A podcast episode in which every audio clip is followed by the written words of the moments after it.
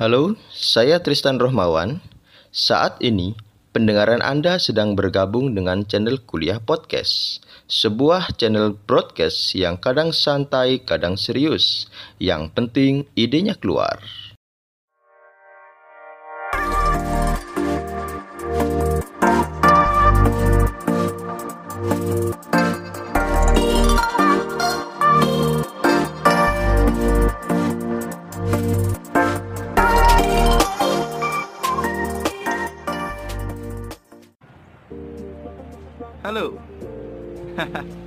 Kembali lagi bersama Tristan Rohmawan Masih di channel Kuliah Youtube Dan Kuliah Podcast. Nah ini masih di alam ya Masih di kecamatan Kota Anyar Kabupaten Probolinggo masih seperti episode yang sebelumnya di tempat yang sama. Saya masih e, penasaran ini, asik ini di tempat ini. Belum mau pindah. Mungkin besok pindah agak di bawah sana ada sungai gitu ya. E, masih mencari lokasi yang sip gitu untuk menyampaikan materi kepada teman-teman. Oke. E, kali ini masuk pada materi yang kelima. Gitu ya. Apa itu materi yang kelima? Eh, kita langsung saja masuk pada PPT nya semangat. Oke, kita sudah masuk pada pembahasan. Pada materi yang kelima ini berarti ya. Sudah hampir selesai di pelajaran 1 tinggal nanti satu lagi yang uh, kesimpulan oke sekarang kita masuk pembahasan penelitian nah uh, singkat saja di sini pembahasan penelitian ini terdiri atas dua bagian Bagian pertama yaitu pembahasan internal dan yang kedua pembahasan eksternal. Sebenarnya saya memasukkan materi ini ya, materi pembahasan ini hanya untuk diskusi ya. Kemarin kan analisis sudah dilakukan, e, data juga sudah dijelaskan. E, dalam pembahasan itu ada beberapa e, hal ya, beberapa hal yang perlu diperhatikan oleh seorang peneliti. Maka saya membagi di sini ada dua jenis pembahasan. Yang pertama pembahasan internal atau deep discussion. Jadi eh, yang saya maksud internal di sini yang mendalam gitu ya. Eh, kemudian juga ada pembahasan yang eksternal atau pembahasan yang ekstensif atau yang keluar gitu ya. Pembahasan yang eh, keluar dari pokok-pokok data. Jadi diskusinya itu nanti ada yang mendalami pokok-pokok data dan juga ada diskusi yang eh, keluar dari pokok-pokok data dikaitkan dengan uh, satu dua hal konsep yang ada di luar data. Oke, uh, langsung saja. Yang pertama, pembahasan internal atau deep discussion, pembahasan yang mendalam. Nah, eh, di sini yang saya maksud adalah pembahasan dari hasil analisis data. Kemarin ketika di bab 4 sudah saya jelaskan tentang bagaimana kita harus e, menyajikan data secara komprehensif sekaligus juga e, menyajikan hasil-hasil analisis terhadap korpus data yang sudah kita kumpulkan di dalam proses e, penelitian gitu ya. Jadi setelah selesai data itu tadi eh, dianalisis kemudian disajikan bentuk analisisnya. Kemarin ada saya sarankan ada dalam bentuk tabel grafik eh, apa ada grafik batang ada grafik pie ada grafik garis ada bagan mungkin macam-macam gitu ya sesuai dengan karakter hasil analisis data Anda. Nah kemudian dalam pembahasan hasil analisis itu kita diskusikan membahas setiap poin kesimpulan dan temuan hierarkis atau resumi pada hasil analisis data. Kemarin di terakhir kan eh, data-data itu tidak hanya disajikan dalam bentuk tabel grafik dan macam-macamnya itu, tapi juga diberikan deskripsi dalam bentuk poin-poin hierarkis gitu ya, temuan-temuan kesimpulan gitu ya, atau resume. Nah, di sini poin-poin itu dibahas untuk menunjukkan bukti keberadaan korpus data yang e, mewakili. Jadi misal e, kemarin sudah disajikan dalam bentuk e, tabel gitu ya, e, bukan tabel, e, dalam bentuk grafik gitu ya, dalam bentuk grafik terkait e, sejumlah nilai moral gitu ya, sejumlah nilai moral yang terkandung di dalam novel. Jadi ada beberapa eh, nilai-nilai moral, jenis-jenis nilai moral moral itu tadi yang ada di dalam novel sudah dianalisis, sudah diklasifikasikan, kemudian ketemu ini dari lima misalnya ada lima nilai moral itu nilai moral A 20 eh, data, nilai moral B 30 data, nilai moral C 40 data, nilai moral D 10 data, nilai moral E 5 data. Nah, ini kita bahas mulai dari eh, bagaimana distribusi eh, banyak dan sedikitnya korpus data itu. Kenapa kok yang A lebih banyak atau yang eh, D lebih banyak gitu ya? Kenapa kok yang E ini sedikit tapi kebanyakan di bab yang kedua gitu. Memangnya di bab 2 ada membahas tentang apa? Itu dijelaskan, dibuatkan sebuah taparan diskusi atas hasil itu.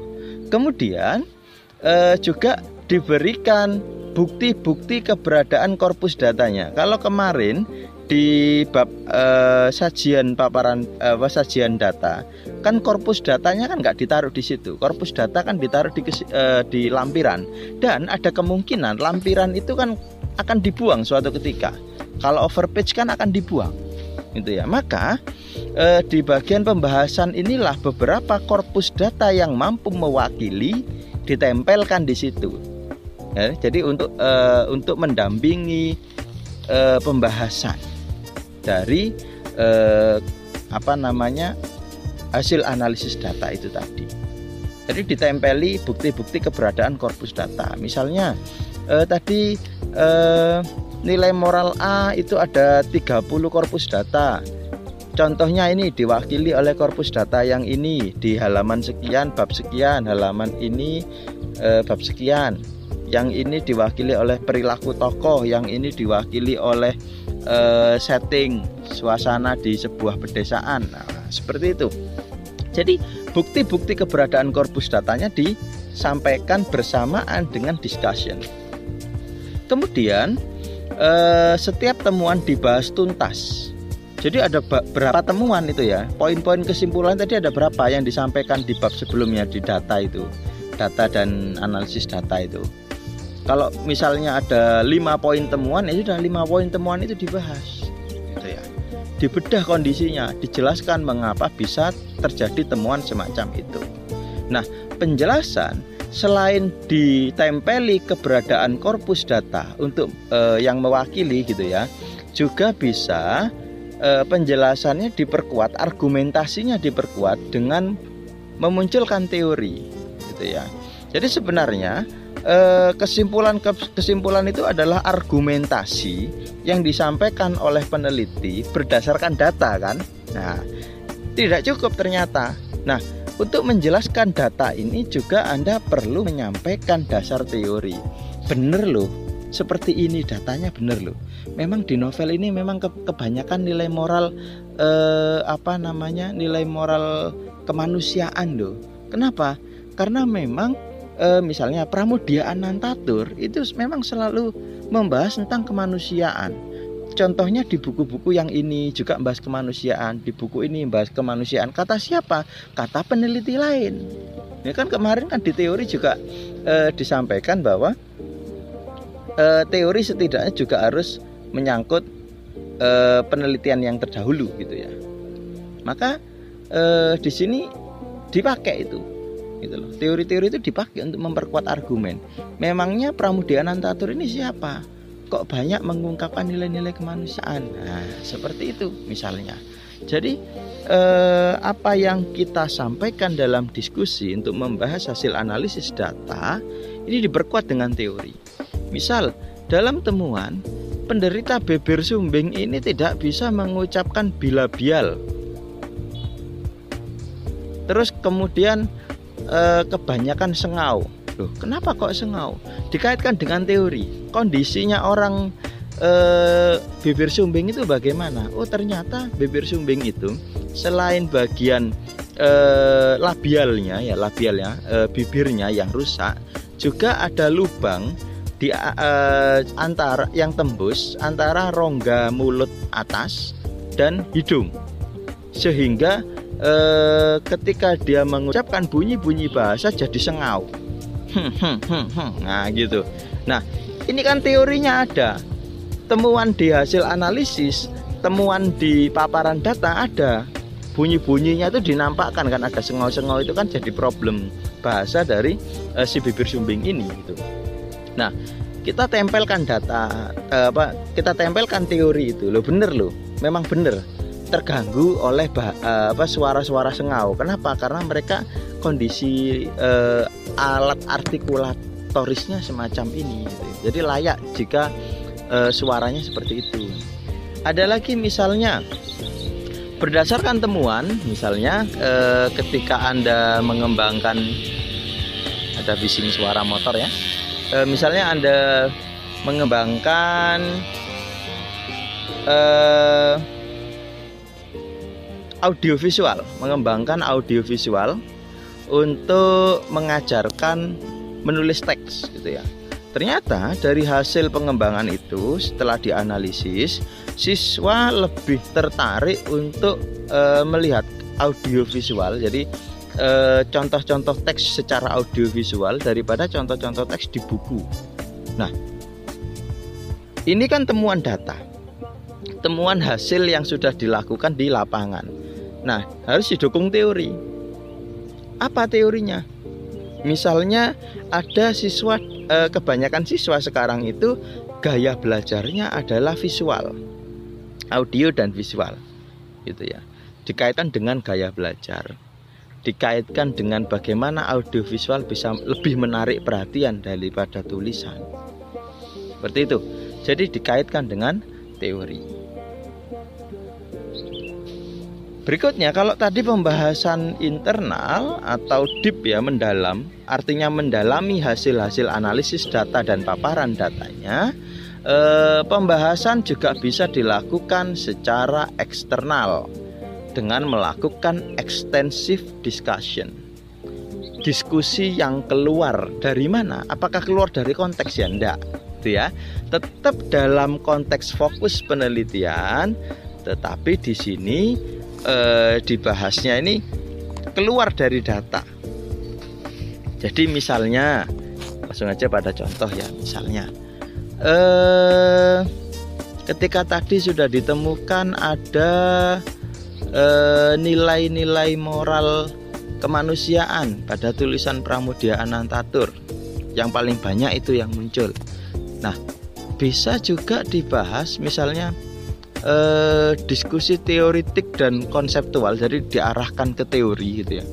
Em, eh, berarti kan ada sebuah eh, apa ya kekhususan dari eranya misalnya eranya Pramudia Anantatur gitu ya. Di eranya Pramudia Anantatur ini ada ada apa gitu ada fenomena apa terkait kemanusiaan gitu ya.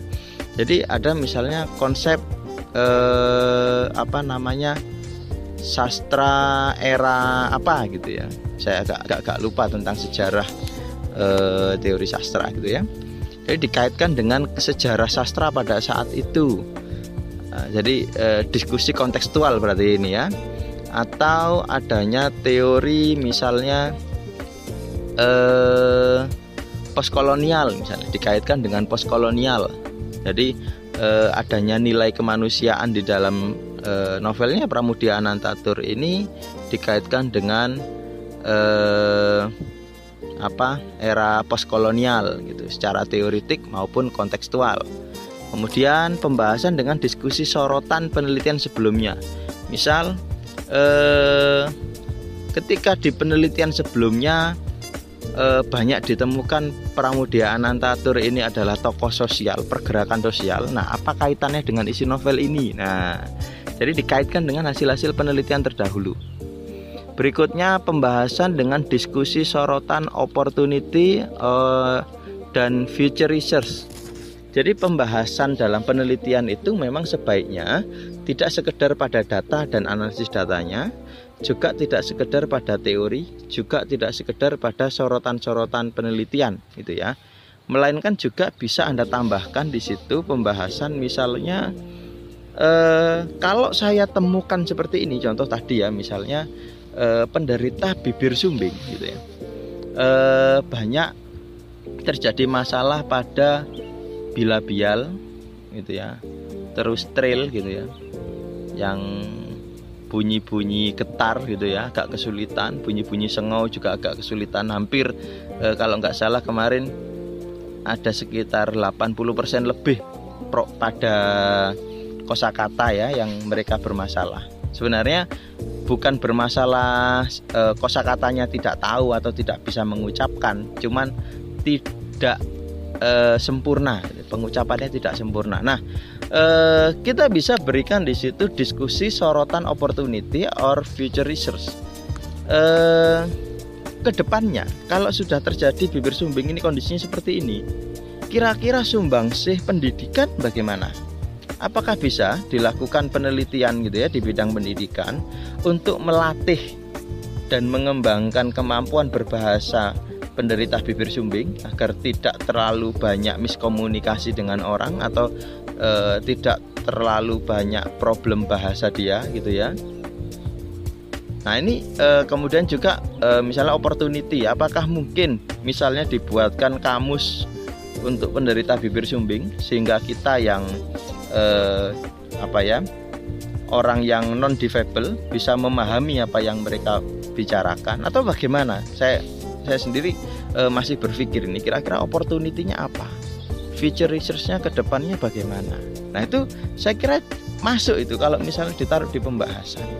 Jadi eh, kalau saya pribadi ya oke okay lah pembahasan itu harusnya hanya fokus pada rumusan masalah oke sepakat.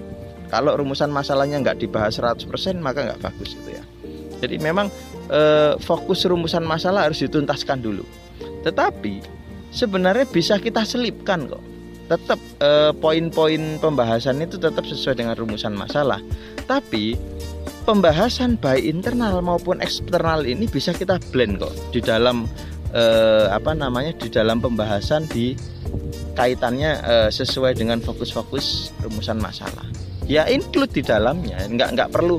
Pak apakah berarti nanti saya tambahkan uh, pembahasan uh, penelitian uh, selanjutnya gitu? Ya enggak enggak perlu. Ya, dimasukkan di situ. Dimasukkan di pembahasan fokus-fokus penelitian itu. Jadi disisipkan gitu loh.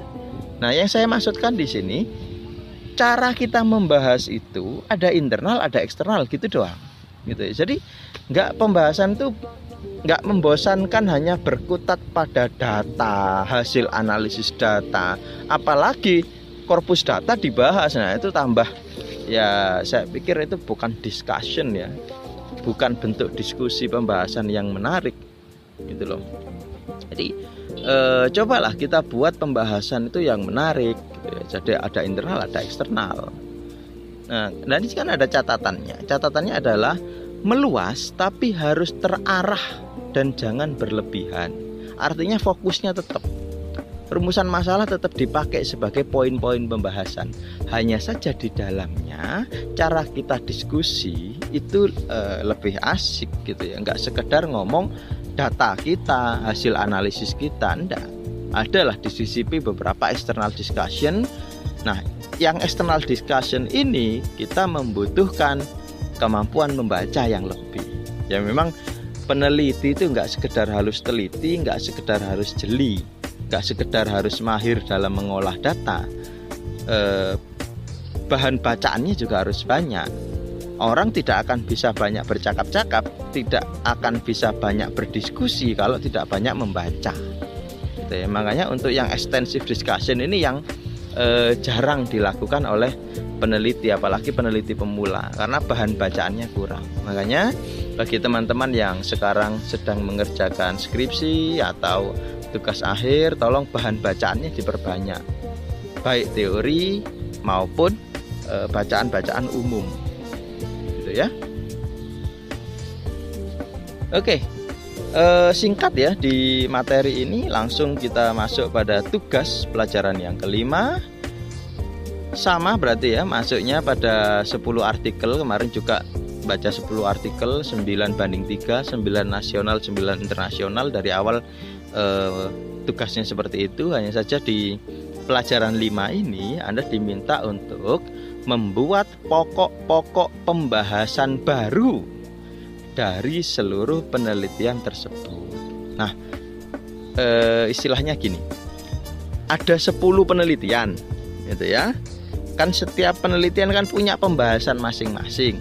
Nah, coba Misalnya, Anda membuat penelitian baru yang menggabungkan ke 10 penelitian itu, kira-kira poin pembahasannya apa saja? Poinnya poin tok ya, pembahasannya saja eh, apa pokok-pokok atau poin-poin pembahasannya saja.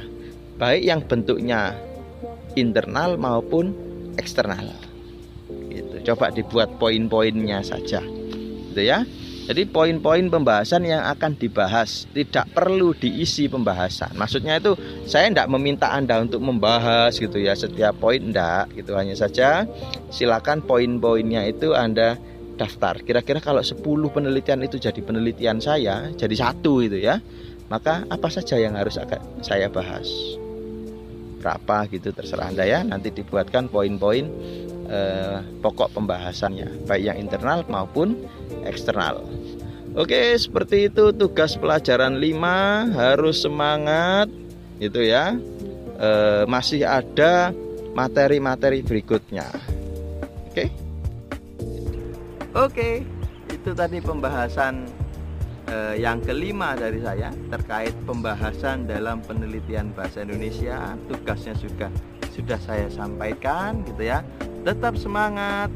Salam dari Kabupaten Probolinggo. Assalamualaikum warahmatullahi wabarakatuh. Oke.